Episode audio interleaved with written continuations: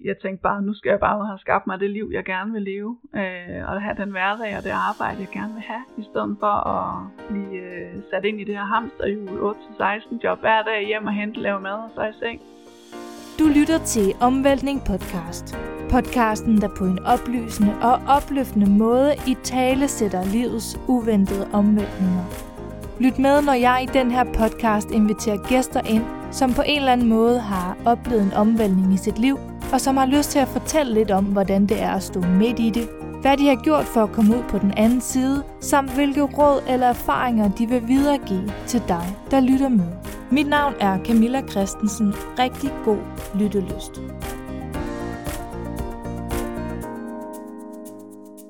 Hvis du er eller har været sygemeldt grundet stress eller angst, så er du desværre langt fra den eneste. I den her podcast episode snakker jeg med Henriette på 34 år om hvordan hun efter flere sygdomsperioder nu kan stå på den anden side som solo selvstændig og trives i det. Før jeg fortæller mere, kan du kort høre Henriette introducere sig selv. Jamen, jeg jeg er jo mor til en pige på 7 år, og så har jeg en kæreste, jeg har været sammen med i 14 år. Og så arbejder jeg jo øh, selvstændigt i min egen lille virksomhed med digital markedsføring. Så har jeg et øh, deltidsjob ved siden af, for ligesom at have lidt økonomisk støtte i ryggen her til at starte med. Hvis du ikke allerede kender mig eller ved, hvad podcasten generelt handler om, så kan jeg kort fortælle dig, at mit navn er Camilla. Jeg er 23 år, og jeg har sat mig for at undersøge, hvordan forskellige mennesker har formået at rejse sig efter vidt forskellige omvæltninger. Efterhånden så vil jeg også dele ud af min egen viden til at hjælpe dig videre, der lige nu står over for en omvæltning. Hvis du gerne vil høre mere detaljeret omkring mig og podcastens formål, så kan jeg kun opfordre dig til at høre pilotepisoden på omkring 8 minutter, før du lytter videre, eller tage et smut forbi www.omvæltning.nu. Ved at lytte til episoden får du blandt andet indblik i Henriettes historie og hvordan man kan blive stress- og angstramt, selvom man elsker sit job. Vi snakker også om, hvor vigtigt det er at respektere tidsaspektet i at rejse sig fra hvilken som helst omvæltning. Henriette har rejst sig flere gange, og hun er virkelig en skøn og sej kvinde, der mest af alt håber på, at hendes historie kan hjælpe dig, der lytter med. Resten vil jeg lade Henriette fortælle selv.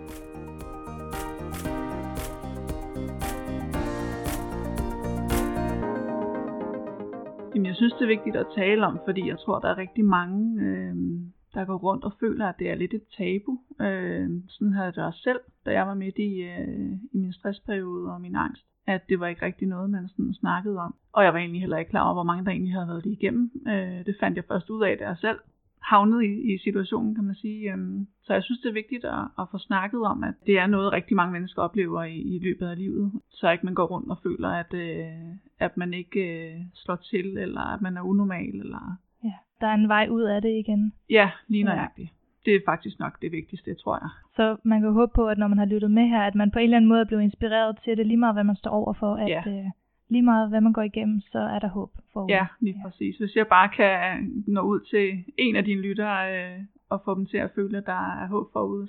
Det passer jo rigtig godt til den her podcast, så det er jo både opløftende og oplysende. Ja. Øh, men lad os starte med det oplysende. Så hvis vi tager udgangspunkt i din historie, spoler tiden helt tilbage til før den her omvæltning skete for dig, hvor var du i dit liv? Hvor gammel var du? Og hvad, sådan, hvad havde du ligesom foran dig? Øhm, første gang jeg oplevede stress, der øh, kom jeg tilbage fra barsel. Jeg var 30, da jeg fik min datter, og øh, holdt kun de her 10 måneders barsel, fra hun var født. Jeg savnede at komme tilbage på mit arbejde. Jeg elskede mit arbejde. Jeg elskede også at være mor. Men jeg trængte også til at komme tilbage til hverdag igen og til mine kollegaer og så videre. Ikke? Så, så jeg var tilbage, men jeg blev sat i en ny afdeling med nogle nye arbejdsopgaver, og øhm, jeg kunne godt mærke på mig selv efter sådan en relativt kort tid, at hele den her omvæltning med at være mor og skulle få en ny hverdag til at hænge sammen, og alt det her med at have et fuldtidsjob ved siden af, at det, øh, det begyndte sådan langsomt at, og ikke at hænge så godt sammen for mig alligevel. Hvordan begyndte det ikke at hænge sammen? Kan du huske, hvordan du finder ud af det, eller det går op for dig? Første gang, jeg læste noget rigtig mærke til, at der var noget galt, det var egentlig en morgen, jeg var mødt ind. Alt var ellers som det plejede at være. Jeg havde afleveret Agnes i øh, vuggestue og mødt ind, som jeg plejer. Og øh, når egentlig kun lige at sætte mig på min plads, og så begynder tone bare at trille ned af mine kinder. Fra den ene dag til den anden? Sådan. Ja, lige pludselig. En ja. ganske almindelig morgen. Øh, jeg havde egentlig ikke mærket noget inden da. Og så tænker jeg, ej, nu må jeg lige, jeg går lige ud på, øh, på badet eller på toilettet, lige at tage mig sammen og sådan noget. Det kan da ikke være rigtigt, men jeg blev bare ved med at græde. Og det blev egentlig bare værre og værre. Og til sidst så måtte jeg sige til min leder, jeg er nødt til at køre hjem. Jeg ved ikke lige, hvad der sker. Det er jo første gang, der ligesom sker et ja. eller andet, hvor du tænker, okay, der er et eller andet her med det samme kunne jeg jo godt mærke, at der var noget, der slet ikke var, som det skulle være. Ikke? Fordi det er da ikke normalt bare at sætte sig ned på sin arbejdsplads og begynde at græde. Over ingenting. Altså, der havde jo ikke engang været en konflikt op til eller noget mm-hmm. overhovedet. Og du var glad for dit job, og du havde ja. set frem til det, ikke? Ja. Jo, jo. Helt bestemt. Og jeg har jo altid været vild med mit arbejde. Jeg elsker mine arbejdsopgaver og mine kollegaer, og der har jo aldrig været noget. Jeg har aldrig haft en morgen, hvor jeg vågnede op og tænkte, ej, det gider jeg bare ikke i dag, det her. Så det kom meget bag på mig. Det kan man måske sige i hvert fald er en omvæltning. Men ja, på det tidspunkt ved du måske stadigvæk ikke helt, hvor slemt det egentlig var. Nej, overhovedet ikke. Altså, jeg, jeg kan egentlig ikke rigtig huske, hvad jeg gjorde øh, den dag. Jeg tror egentlig bare, jeg tog hjem og var ked af det resten af dagen, og sådan lidt øh, egentlig mærkelig over, hvad det egentlig var, der havde sket. Sådan lidt, jeg forstod ikke rigtig, hvad det var, der foregik. Øhm, men jeg kunne også godt mærke, øh, sådan, at der var noget, der ikke helt var, som det skulle være. Og tror egentlig også, at jeg kontaktede min læge ikke ret længe efter. Jeg tror måske, der gik nogle dage og kom ned til min læge, og så kan jeg bare huske, at øh, hun spurgte selvfølgelig, øh, hvad hun kunne hjælpe mig med, og så kan jeg bare huske, at jeg snakkede, og jeg snakkede, og jeg kunne nærmest ikke stoppe mig selv, og jeg var ked af det, og frustreret, og tingene kørte rundt i mit hoved, og, og så siger hun bare med det samme, du har stress, det er der ingen tvivl om. Okay, hold da. Øh, jeg er nødt til at sygemelde dig lige med det samme. Og så ja. sagde jeg til hende, det kan jeg ikke. Jeg, altså, jeg er nødt til at køre ind og passe mit arbejde. Jeg er ikke syg. Altså, jeg vil slet ikke... Øh... Det er jo meget... Øh, nu taler du meget ind i det, som måske er meget typisk for folk, der der har stress, eller første ja. gang de øh, ligesom bliver konfronteret med det måske. Den her benægtelse, ja, at, øh, fordi det er så svært at forstå, at man godt kan få stress, eller man faktisk elsker det, man gør, og du ja. ovenikøbet er blevet mor, og det elsker du jo også, altså, men det, det er bare mange ting på én gang. Ja, helt præcis. Men lytter du så til hende, eller ja, du melder dig syg simpelthen? Ja, altså, øh, det var ikke sammen med min bedste vilje, fordi som sagt, så jeg følte mig jo ikke syg. Altså, øh, jeg var jo ikke stresset. Jeg synes slet ikke, jeg har været presset over noget. Altså, stress, det er jo sådan noget, folk får, når de har travlt og har meget om ørerne og sådan noget. Altså, i min hverdag fungerede der meget godt, og jeg var blevet mor, og jeg var glad og, og savnede mit arbejde og sådan noget. Ikke? Men øh, når hun siger, nu sygemelder jeg dig lige 14 dage, så bliver du lige hjemme og slapper af og gør de ting, du godt kan lide og sådan noget. Det var virkelig en, en omvæltning for mig, fordi det var slet ikke, hvad jeg havde regnet med og måtte jo bare acceptere, så måtte det være sådan. Øh, men jeg hvordan havde ikke, du det i de 14 dage? Jamen, jeg var frustreret, og jeg kunne slet ikke øh, lande i det. Jeg kunne ikke falde til ro. Altså, jeg var sådan, hvorfor skal jeg gå hjemme, når jeg ikke er syg? Jeg vil gerne på arbejde. altså, øhm, så de første 14 dage gik jo egentlig bare med ligesom at, at finde ud af, hvad det egentlig var, der foregik, tror jeg. Og mærke efter også i mig selv, hvad det egentlig var.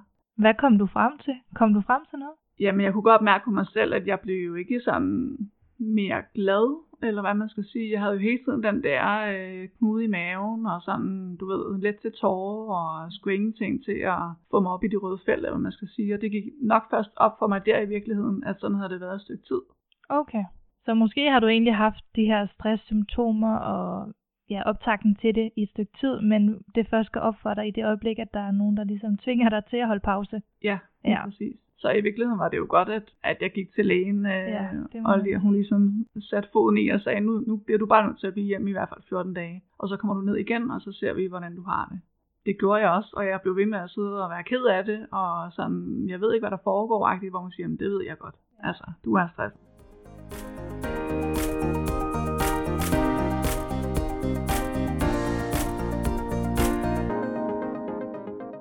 Men var, var det nok med de 14 dage? Altså, hvad sker der derefter? Nej, altså jeg fik tilknyttet en øh, psykolog faktisk af mit arbejde, øh, som også ret hurtigt fik afklaret, at for det første tjekkede han jo, om jeg havde en depression, det havde jeg så ikke, men at det var stress, jeg havde, øh, og fik ligesom øh, arbejdet ind til, hvordan der var ledes, ikke? Øh, og hvordan jeg skulle håndtere det.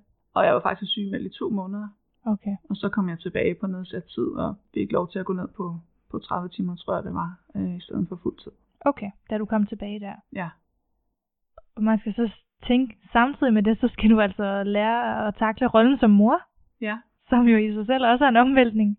Det er meget en omvæltning. Ja. Hvordan øh, var det at skulle være ny mor oven i alt det her? Det var hårdt. Altså selvfølgelig var jeg glad. Altså vi havde jo kæmpet længe med at blive gravid og få min datter der, så det var jo fantastisk endelig at, at kunne få et barn, som man havde ønsket sig så længe. Ikke? Men det var også rigtig hårdt, fordi jeg fandt jo også ud af i forbindelse med alt det her stress, at jeg havde meget høje forventninger til mig selv. Øh, så jeg havde jo også meget høje forventninger i det her med at blive mor, og samtidig være en god kæreste, og kunne passe et arbejde og ordne et hus. Alle de her ting, der skal hænge sammen, ikke? Og der er stadig kun 24 timer i døgnet. Præcis. Så det var hårdt. Ingen tvivl om det.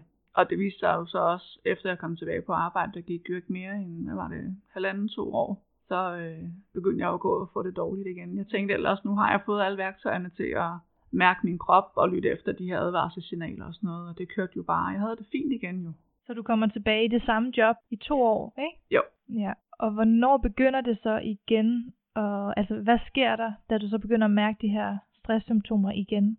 Jamen, øhm, i starten er det egentlig bare sådan utilpasset. Jeg går rundt og begynder at føle mig svimmel, øh, og sådan, du ved, må holde ved væggen, når jeg går hen ad den lange gang og sådan noget, fordi jeg føler virkelig, at jeg er svimmel, og får faktisk også tid hos en, øh, hvad hedder sådan noget, en ørenæse halslæge for at tjekke, om jeg har virus på balancenerven, fordi jeg tænkte, det her det er helt galt. Der er dage, hvor jeg ikke tør køre hjem på mit arbejde. Jeg måtte ringe til min mor grædende og sige, jeg tør ikke køre hjem, fordi det hele det kører rundt, og hun henter mig, og så står min bil der, men det er så også lige meget med de der praktiske ting der, men det, altså, det hele det snor bare rundt for mig, og jeg føler mig sådan utilpas og har kvalme, og du ved sådan, hvad kan man sige, første gang, der var dine symptomer, der startede du med at græde. Og den her gang, der reagerer kroppen så på en anden måde, men det er også en fysisk reaktion. Det er lidt interessant, og det er jo også ofte det, man måske opdager først under stress.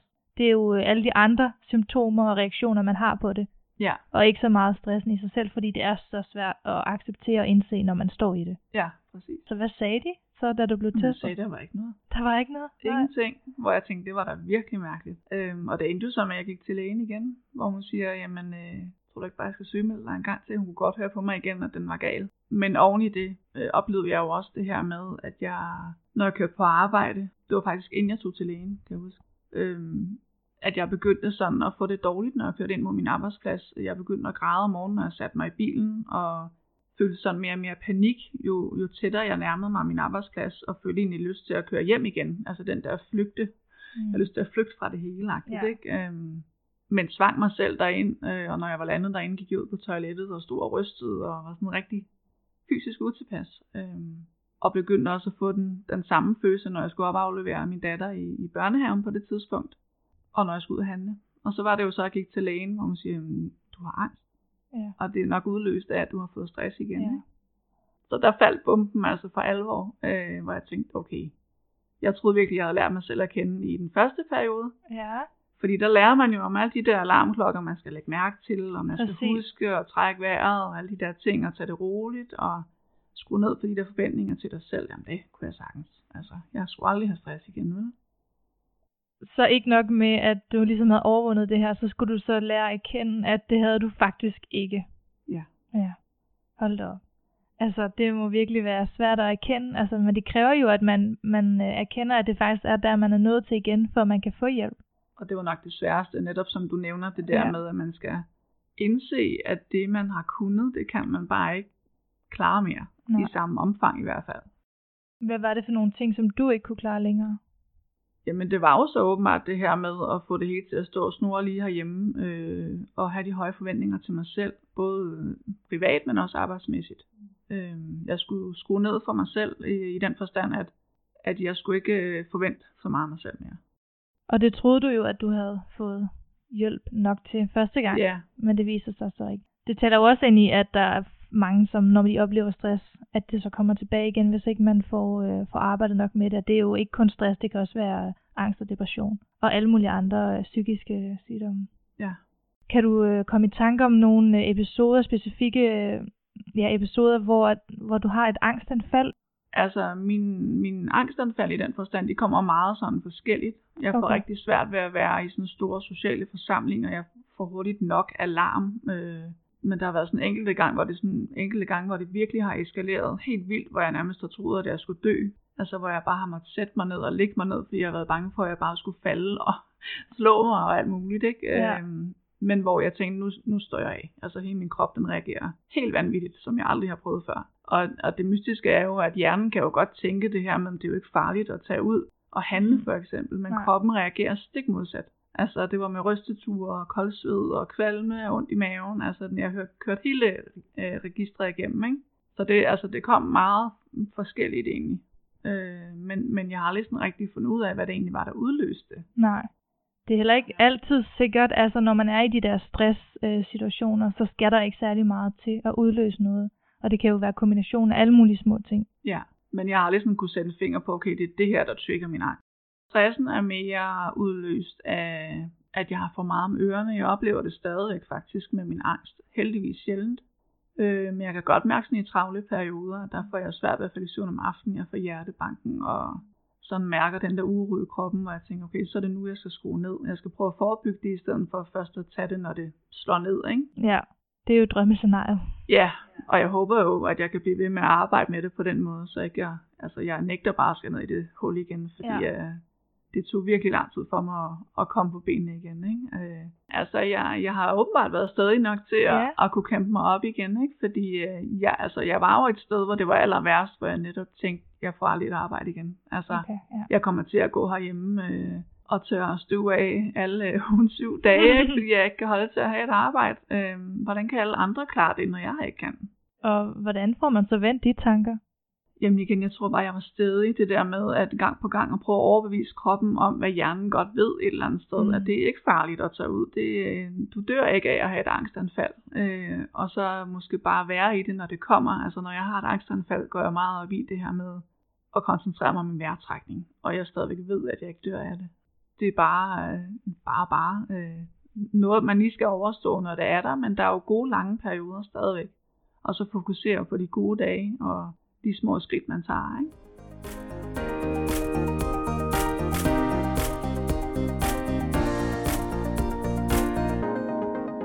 Så dit øh, sygdomsforløb anden gang, hvor lang tid var det? Det var over et halvt år. Øh, jeg prøver at komme tilbage på noget optrapningsforløb, men, øh, men det fungerer ikke. Altså, jeg græder mig igennem dagene, jeg tager ind på arbejde, og jeg sidder. Jeg får endda stillet øh, et indmandskontor til rådighed. Jeg sad jo ellers i storrumskontor okay. med, med rigtig mange kollegaer, ja. ikke? rigtig meget larm og sådan noget. Det fungerede jeg slet ikke i til sidst. Så, så jeg var heldig at få stillet et enkeltmandskontor til rådighed, men, men jeg kan bare huske, at jeg sad og, og græd mig igennem dagen. Jeg havde det så skidt. Øh, jeg følte mig slet ikke tilpas, og havde den der angst igen, når jeg nærmede mig døren derinde og, og skulle ind til de andre og sådan noget. Ikke? Altså kan du sådan i bagklogskabens tegn, hvis man siger sådan, forklare hvorfor? Der var ikke gået lang tid nok, tror jeg. Øh, de siger jo gerne, at det tager være dobbelt så lang tid, hvis ikke mere, at komme over det, som mm. det har taget at, at komme dertil. Ja. Øh, og jeg har bare presset mig selv for hårdt i at komme i gang igen, fordi jeg netop har tænkt hele vejen igennem, jeg kan godt, altså hvorfor kan jeg ikke have et arbejde, når alle andre kan? Jeg elsker mit arbejde og mine kollegaer, jeg vil tilbage mm. hurtigst muligt, og det er i virkeligheden nok der fejlen ligger, at man skal ikke tilbage hurtigst muligt. Altså man skal sørge for at komme helt ovenpå, inden man så småt begynder at gå i gang igen. Ikke? Og det har du jo så også lært nu, fordi nu er du kommet ud på den anden side, men øh, hvad, altså, hvordan lærer man at erkende det, at det tager tid? Det var rigtig svært for mig faktisk. Men jeg kunne også godt mærke, når jeg så pressede mig selv, som jeg netop gjorde her, så fik det også lige konsekvenser med det samme. Ikke? Og så tog det måske endnu flere dage at komme om på igen efter sådan en arbejdsdag, jeg havde været afsted og havde været ked af det hele dagen. Så langsomt lærte jeg jo bare at være mere tålmodig i det. Tror du, det er noget, øh, du har, altså, du har skulle opleve på egen krop, for at du helt forstår det? Ja. Yeah. Altså, fordi det er jo så nemt at sidde og sige til nogen, der måske er stresset, men lytter man overhovedet til det? Mm, det ved jeg ikke. Det er faktisk Nej. lidt svært at svare ja, på. Ja, ja. Øhm, men jo, altså jeg havde rigtig svært ved, jeg havde faktisk en kollega, øh, som ikke så lang tid inden jeg selv røg med stress, også var sygemeldt. Og øh, der havde jeg rigtig svært ved at forstå en situation. Hun havde nemlig også rigtig mange problemer med at komme tilbage, hvor jeg tænkte, det kan da ikke være så svært. Altså det er da bare at sætte den ene fod foran den anden, og så komme i gang igen. Altså og så tage den derfra. Men altså det, det var jo slet ikke sådan, når jeg selv havnede i det. Det krævede meget mere end bare det det tæller også lidt ind i i forhold til, at øh, ja, omverdens måske misforståelser, eller sådan holdninger til folk, der har stress eller angst. Er der andre sådan, øh, hvad kan man sige, kommentarer eller holdninger, du sådan har stødt på omkring det, som jo egentlig bare bunder i, at de ikke ved noget om det, men er ment altså, med den gode intention? Er der noget, du sådan kan komme i tanke om, der er blevet sagt til dig? Ja, i det hele taget forståelsen af det her med, at nu er jeg jo sygemeldt. Hvordan kan jeg så tage ud og, at gå lange ture og hygge mig med min kæreste i biografen eller lege med min datter. Altså hvis nu at jeg er sygemeldt med stress, så burde jeg ligge hjemme i sengen og, og græde dagen lang. Ikke? Men det hele går jo egentlig ud på, at man skal gøre noget, der er godt for en selv. Noget, der giver en energi øh, og, og slappe af i det og lande i det. Ja, så man kan godt øh, lave alle mulige ting, selvom man er sygemeldt med stress. Det er jo faktisk ja. måske en, en af de ting, som øh, kan hjælpe en videre, tænker du, eller hvad? Ja, i hvert fald at gøre de ting, der gør en gladere, så man føler giver en energi. Ikke? Så hvis det er at gå en lang tur, eller tage på stranden og sidde og kigge på vandet, eller et eller andet, man føler, man har godt af, så skal man da bestemt gøre det. Man skal ikke bare sætte sig hjem på sofaen og sidde og have ondt af sig selv. Det gjorde jeg jo også selv i starten, men ja. jeg fandt også hurtigt ud af, at jeg blev også nødt til at gøre noget. Og langsomt vende mig til at komme ud igen. Så en gåtur kunne i virkeligheden være starten. Eller... Så hvordan finder man ud af, hvad der giver en energi? Hvad gjorde du? Jamen, der var ikke andet for end at prøve sig frem. Og igen det her med, at jeg, jeg tvang mig jo egentlig i virkeligheden lidt ud i det her med at gøre ting, selvom jeg følte den her angst i kroppen og uro i kroppen. Øh, det her med at tage op og hente min datter i børnehaven, jeg gjorde det jo alligevel. Jeg blev nødt til det. Men andre dage, der udfordrede jeg også lidt mig selv i, jamen så bliv lige deroppe og sidde og snakke med nogle andre forældre i 10 minutter. Og finde ud af at lære din krop, at der sker ikke noget ved det. Så er det måske nemmere næste gang. Meget konkret og meget ja. Øh, godt råd at give videre i hvert fald. Ja. Men måske allerede inden man så kaster sig ud i det, have besluttet sig for, hvor går min grænse, så man også ja. ved, at så sidder man der ikke i en halv time, hvis det er, det så kræver to dage, hvor man så skal ovenpå igen.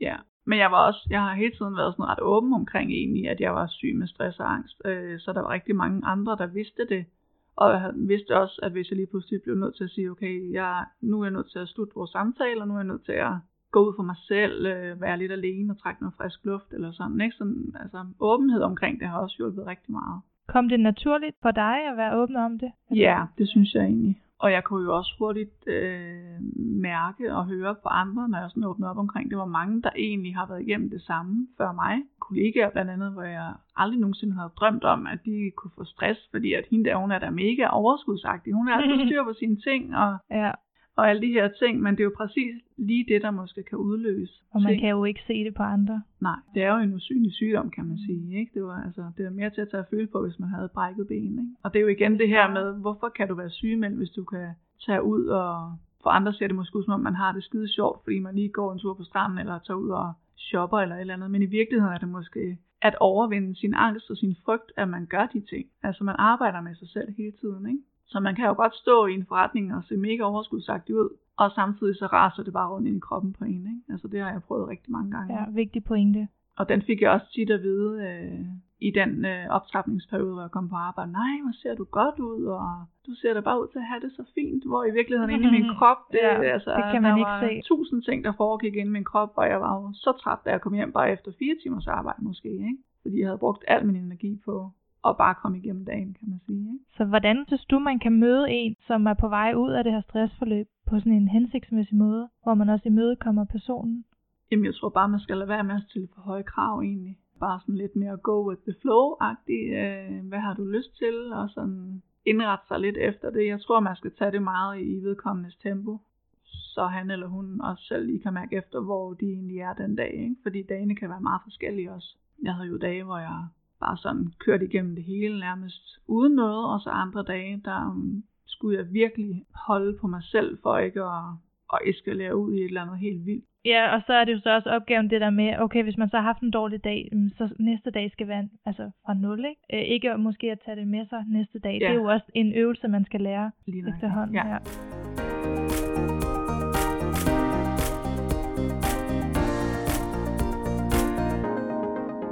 Du har fortalt det her med, at du langsomt prøver at trappe op, men det ikke rigtig fungerer. Altså, hvad sker der så egentlig derfra? Jamen, øh, jeg bliver faktisk sygemeldt igen, kan jeg huske. Hele den her periode, den er sådan meget sløret for mig, fordi jeg er i alt det her, så jeg husker ikke sådan meget, hvor lange perioderne er. Så jeg kan i hvert fald bare huske, at jeg bliver sygemeldt igen, og så er jeg jo løbende inde til sådan nogle opfølgningssamtaler på min arbejdsplads. Og der kan jeg bare huske, at til, øh, til øh, den her samtale efter min øh, sygemelding, efter min optrapningsperiode, at der fortæller de mig, at de er nødt til at afskedige mig. Fordi at min sygdomsperiode har været for lang, jeg har været for længe om at trappe op, jeg har været for længe om at vende tilbage. Det i sig selv er jo en kæmpe omvæltning. Ja, og, og et eller andet sted, så havde jeg jo godt frygtet, at den skulle komme på et eller andet tidspunkt. Ikke? Øh, men alligevel så, så blev jeg lidt overrasket over, at, at det var der, det skete. Fordi jeg synes virkelig selv, jeg havde kæmpet og prøvet alt, hvad jeg kunne for at komme tilbage og håbede også på, at de kunne se det selv. Ikke? Øh, men selvfølgelig, de har jo også retningslinjer og alt det her, de skal følge, så, så de var nødt til at afskedige mig. Så det var lige endnu en omgang af, af det her med ikke at slå til og acceptere, at man er der, hvor man er, og indse, at man ikke kan vende tilbage. Hvad var det for nogle tanker, altså, om det satte gang i, da du fik det at vide? Jamen, der startede jo en, en ny proces af de her tanker omkring med, jamen, hvad så nu? Altså, kan jeg så overhovedet få et arbejde igen? Jeg havde et halvt års øh, opsigelse, så der havde jeg jo heldigvis den tid til at gå og tænke over, hvad, hvad jeg så skulle. Øh, men omvendt så tænkte jeg også bare, nej, nu øh, lader jeg den her tid gå og bruger på mig selv og bruger på at komme, og jeg gider ikke igen blive presset over, at nu skal jeg ud og søge nyt arbejde. Så jeg lå egentlig bare tiden gå og prøvede at finde mig selv igen. Var det på en måde befriende, at du blev afskedet? Altså? Jo, og der var lige pludselig ingen forventning om, at jeg skulle nå tilbage på arbejde igen. Så det var ret befriende. Men samtidig havde jeg også den der i baghovedet med, nu shit, nu skal jeg ud og søge. Så du står sådan lidt midt i en, et uh, væld af følelser? Ja, præcis. Og jeg var der også inde og, og få en ordentlig afsked med dem. Jeg havde trods alt arbejdet der i 10 år, ikke? så det var jo lidt min anden familie, jeg skulle ind og tage afsked med. Men det var jeg rigtig glad for, at jeg gjorde, selvom jeg var helt vildt nervøs over at skulle derind igen, fordi ville det nu få noget til at blusse op i mig igen. Ikke? Men samtidig følte jeg også bare, at jeg måtte gøre det og få en ende på det kapitel. Og måske ville det også være med til, at jeg kunne se lidt bedre fremad og få ligesom afsluttet det hele. Ikke? Det synes jeg lyder meget smukt, og jeg tror faktisk, at det er en god ting at gøre i sin, sin egen proces og sin accept også for at komme videre. Hmm. Så du har så et halvt år nu, hvor du skal til at finde ud af, hvem du egentlig er. Udover det her job, du har haft, og hvad, hvad giver dig energi, og hvad skal du lave? Hvad kommer du frem til i løbet af den her periode? Jamen i, i hele den her periode, der er jeg tilknyttet en, øh, en anden psykolog faktisk. Jeg finder en anden psykolog, som jeg føler, jeg har meget bedre kemi med. Øh, jeg føler faktisk ikke, at jeg er til psykolog, når jeg er hos hende her. Jeg føler, at jeg sidder og snakker med en god veninde, så jeg får afløb for en masse ting og tanker, og hun er så god til at vende tingene, så jeg får set på dem på en helt anden måde. Og hun er også med til det her med, jamen altså, det skal nok blive godt igen. Altså, øh, alt det her med, jamen der er noget på den anden side. Hun gav mig virkelig håb for, jamen jeg kan godt lykkes, selvom jeg er igennem det her. Det betyder jo ikke, at, at alt er slut nu. Altså mit liv stopper jo ikke, fordi at, at jeg er blevet opsagt, øh, og at jeg har stress og angst. Jeg, der kommer noget godt på den anden side. Ja, det er meget vigtigt, at man på en eller anden måde, hvis ikke man selv kan gøre det, i hvert fald får hjælp til at få ja. det her håb og de her drømme. Fordi ellers så kan det godt nok se sort ud. Præcis. Og det er også øh, fedt, at du nævner det her med, at øh, jamen, det her med en psykolog, det kan godt kræve et par forsøg, for man får en øh, noget god kemi, og det er så meget vigtigt, at man finder en, man har kemi med, hvis man skal have hjælp til at komme ud på den anden side. Altså, jeg, jeg tror, jeg var til tre forskellige psykologer, før ja. jeg landede hos hende her, og egentlig følte mig godt tilpas, hvor i starten tænkte jeg, nu har jeg fået tildelt ham her, så må det jo bare være sådan. Altså, ja. Men man skal bare ikke nøjes med, og det er også noget af det, jeg har lært igennem den her proces, at man skal finde ud af, hvad der er godt for en selv, og hvad der passer ind i ens liv, og så skal man gå med det. Man skal ikke lade sig nøjes med noget. Nej, det er jo en god indsigt at have fået. Ja, helt bestemt. Jamen, jeg har lært så meget om mig selv, og om ja. livet generelt. Øh, Hvad har du ellers lært? Jamen, at man sagtens skal indrette livet, som man selv tænker. Jeg var på noget stresskursus faktisk, hvor vi havde en rigtig dygtig underviser, der siger, jamen, I er altså voksne mennesker. I bestemmer selv over jeres liv. I behøver ikke at tage et øh, 8-16 job. I behøver ikke tage på restaurant og bestille hovedret først og dessert til sidst. I kan da bare tage kagen først, hvis det er det, I har lyst til. ja. Altså, gør, som der passer dig, og, og indret dit liv, som som du synes. Var det en helt ny verden, der åbnede Jamen altså, det var bare wow. hæmmeriget, der åbnede yeah. sig for mig, da hun sagde det. Jeg tænkte bare, nu skal jeg bare have skabt mig det liv, jeg gerne vil leve. Øh, og have den hverdag og det arbejde, jeg gerne vil have, i stedet for at blive øh, sat ind i det her hamsterhjul 8-16 job mm-hmm. hver dag hjem og hente, lave mad og så i seng. Jeg havde stadigvæk en lille datter, jeg gerne vil bruge mere tid på. Så jeg begyndte jo selvfølgelig at søge job, efter jeg blev ledig. Og samtidig så var jeg på et kursus om, øh, om digital markedsføring, hvor der var flere, der sagde til mig efterfølgende, at du skal da bare være selvstændig. Hvorfor prøver du ikke at starte selv? Hvad tænkte du, da de sagde det?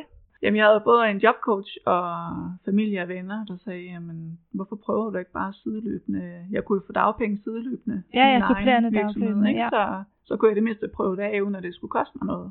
Mega god ordning. Så, ja. ja. så jeg tænkte, hvis det skal være nu, jeg, eller hvis jeg skal prøve det af, så skal det være, i hvert fald være nu, ikke? Okay, men hvor, hvor, hvor lang en periode er du jobsøgende, før du, du når til den her erkendelse? Jeg tror, der går halvandet år. Okay, det er ret lang tid jo. Ja, og bare hele den her jobsøgningsproces, den er jo ret nedslidende, fordi man mm. får jo mm. afslag gang på gang og skal ud og sidde til jobsamtaler, altså hvis der er noget, der kan trigge ens øh, præstationsangst ja. og, og sådan noget, så er det jo det i hvert fald for mig. Øhm, så det var nogle, altså hårdt halvandet år, synes jeg. Så jeg startede op med den der markedsføringsdel øh, og kom i praktik nogle steder, hvor jeg så fik lov til at øh, fortsætte. Det ene sted, hvor jeg stadigvæk har ham som kunde, så det var rigtig fint. Mm. Øhm, og har så nu også fundet et deltidsjob ved siden af på 20 timer, som passer perfekt ind i mit liv lige nu. Så du har designet dit eget liv nu? Ja, og jeg kan hente min datter tidligt, hvis det er det, jeg har lyst til, og øh, kan skemalægge. Jeg kan jo arbejde om aftenen i min egen virksomhed, hvis det er det, jeg har lyst til, når hun sover. Øh, det er noget, der passer ind i mit liv lige nu i hvert fald. Og hvad har det givet dig, at du, øh, du har fået det liv nu? Jamen alt, altså ikke mindst overskud, og altså jeg er bare faldet på plads. Altså ja. det har lige været de der brækker, der har skulle til, før det hele lige øh, faldt i hak. Så et eller andet sted har det jo givet mig den, det her resultat, jeg har været igennem. Jeg er jo af den overbevisning, at alt sker af en årsag. Ikke? Så jeg er jo rigtig glad for, at jeg blev presset lidt på at, at starte min egen virksomhed, og så finde det her deltidsjob ved siden af. Og måske på en eller anden måde, selvom at det ikke er fedt at have været alt det her igennem, så har det jo givet dig den her styrke, og du har det givet ja. dig indsigter, som har gjort dit liv til der, hvor du er i dag. Lige præcis. Ja, ja det har det. Så ja, der er en mening med det hele måske, hvis det er den overbevisning, Ja, altså er. hvis ikke jeg havde øh, gået ned med stress og angst, selvfølgelig er det da ikke særlig fedt, men øh, så havde jeg måske stadigvæk siddet øh, 10-16 øh, i storrumskontor og skulle øh, stress og jage hjem og hente min datter og hjem og lave mad og køre i det der hamsterhjul der, ja. som jeg bestemt ikke føler, jeg gør lige nu. Altså jeg tænkte bare, at hvis det skal være, så skal det være nu, eller så bliver det nok aldrig. Altså hvis ikke jeg tør nu, hvornår tør jeg så? Det jeg synes, der er interessant, det er, at nu hjælper du nærmest andre med at gøre det også, ikke? Jo jo, altså jeg hjælper jo iværksættere med at, at komme frem i lyset via sociale medier, ikke? Øh, og det kan jo lige så godt være nogen, der har været måske igennem det samme som mig, som ikke vil, vil have et almindeligt job, men være deres egen øh, lykkes med, ikke? kan man sige. Øh, ja, så det er, jo, det er jo rigtig fedt, synes jeg. Ja, det lyder mega fedt. Du arbejder med det, du godt kan lide. Ja. Og du hjælper andre med det. Og jeg kan hente min datter tidligt, og, og være den mor, jeg gerne vil være. Ja. ja. Ja, så du har også indset undervejs, hvad der betyder noget for dig, og at din datter er jo en af de ting, som du skal prioritere rigtig ja. højt. Ja. ja, ja, der kommer jo en tid, hvor hun bliver jo også ældre og vil låse sig ind på værelset, har jeg sagt. Så kan jeg bruge min tid på noget andet der. Mm. Øh, men lige nu er hun i en alder, hvor jeg gerne vil bruge noget, i hvert fald meget af min tid på hende.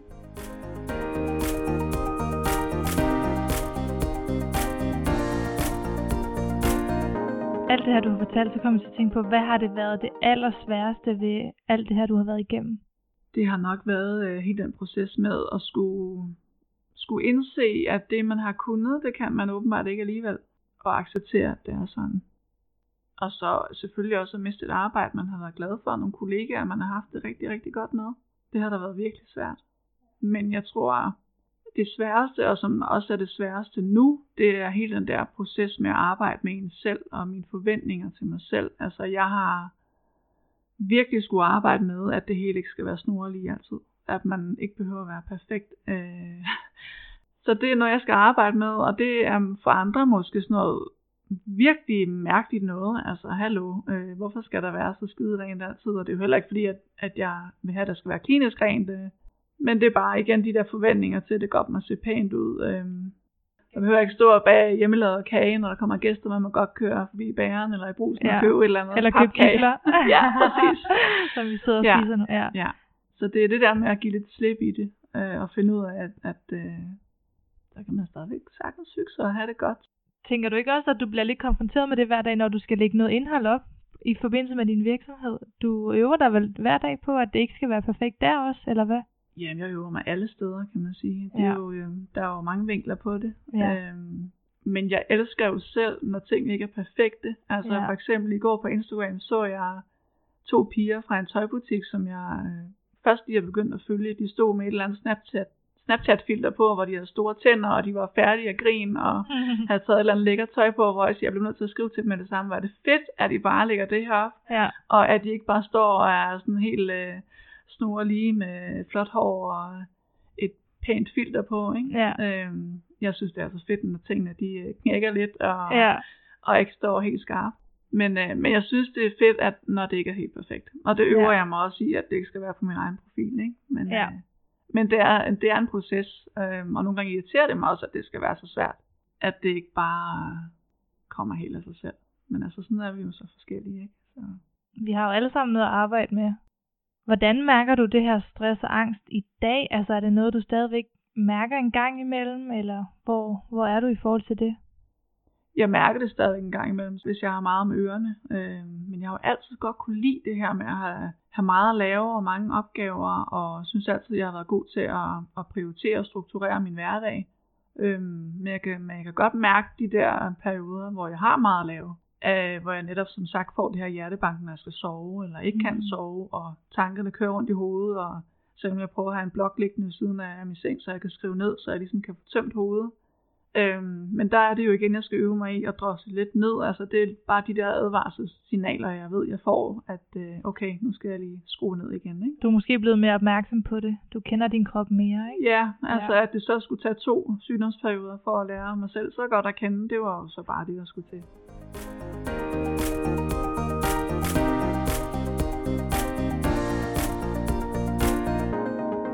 Så nu har vi hørt om øh, din historie og hvordan du har oplevet at have stress og angst.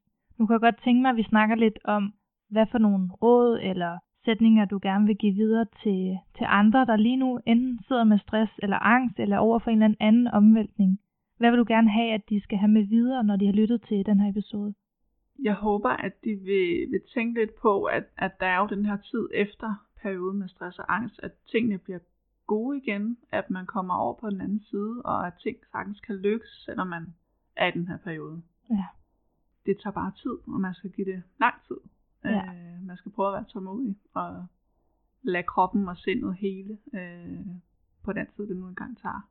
Altså jeg tænker meget over det her med, at øh, man er jo ikke havnet her, fordi man er svag, men fordi man har været stærk for længe. Den er rigtig god. Kan du prøve at uddybe, hvad du mener med det? Jamen altså, igen, jeg kan jo kun tage for mig selv. Øh, jeg følte jo netop svaghed ved, at jeg ikke kunne passe mit arbejde. At jeg ikke kunne klare det, som jeg ellers kunne. Men jeg havde jo bare været stærk for længe. Altså, jeg havde jo knoklet på. Og øh, jeg ved, og jeg vidste, at jeg var god til mit arbejde, og jeg var jo også en god mor og en god kæreste. Men jeg havde bare knoklet på for længe. Jeg havde taget for meget på mine skuldre og for mange opgaver ind og så videre. Så... Ja, du ville det hele på én gang. Ja, ja. jo. Man kan ikke klare hele verden. Nej, så, og det siger ikke noget om, hvor, hvor stærk eller svag man er. Nej, det Nej. ikke. Det synes jeg er mega godt givet videre. Tusind tak, Henriette, fordi du er med i dag. Selv tak. Tak fordi jeg måtte komme.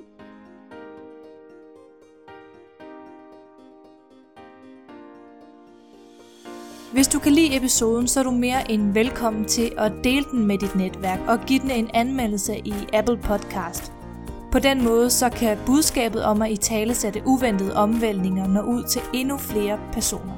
Du kan altid holde dig opdateret på kommende episoder ved at abonnere på podcasten og ved at følge den på Instagram Omvæltning Podcast. Du er også altid velkommen til at kontakte mig, hvis du har feedback, en god idé til en omvæltning, der skal belyses, eller hvis du kender en helt konkret gæst. Jeg glæder mig til at høre fra dig, og så må du have det rigtig godt indtil vi lyttes ved.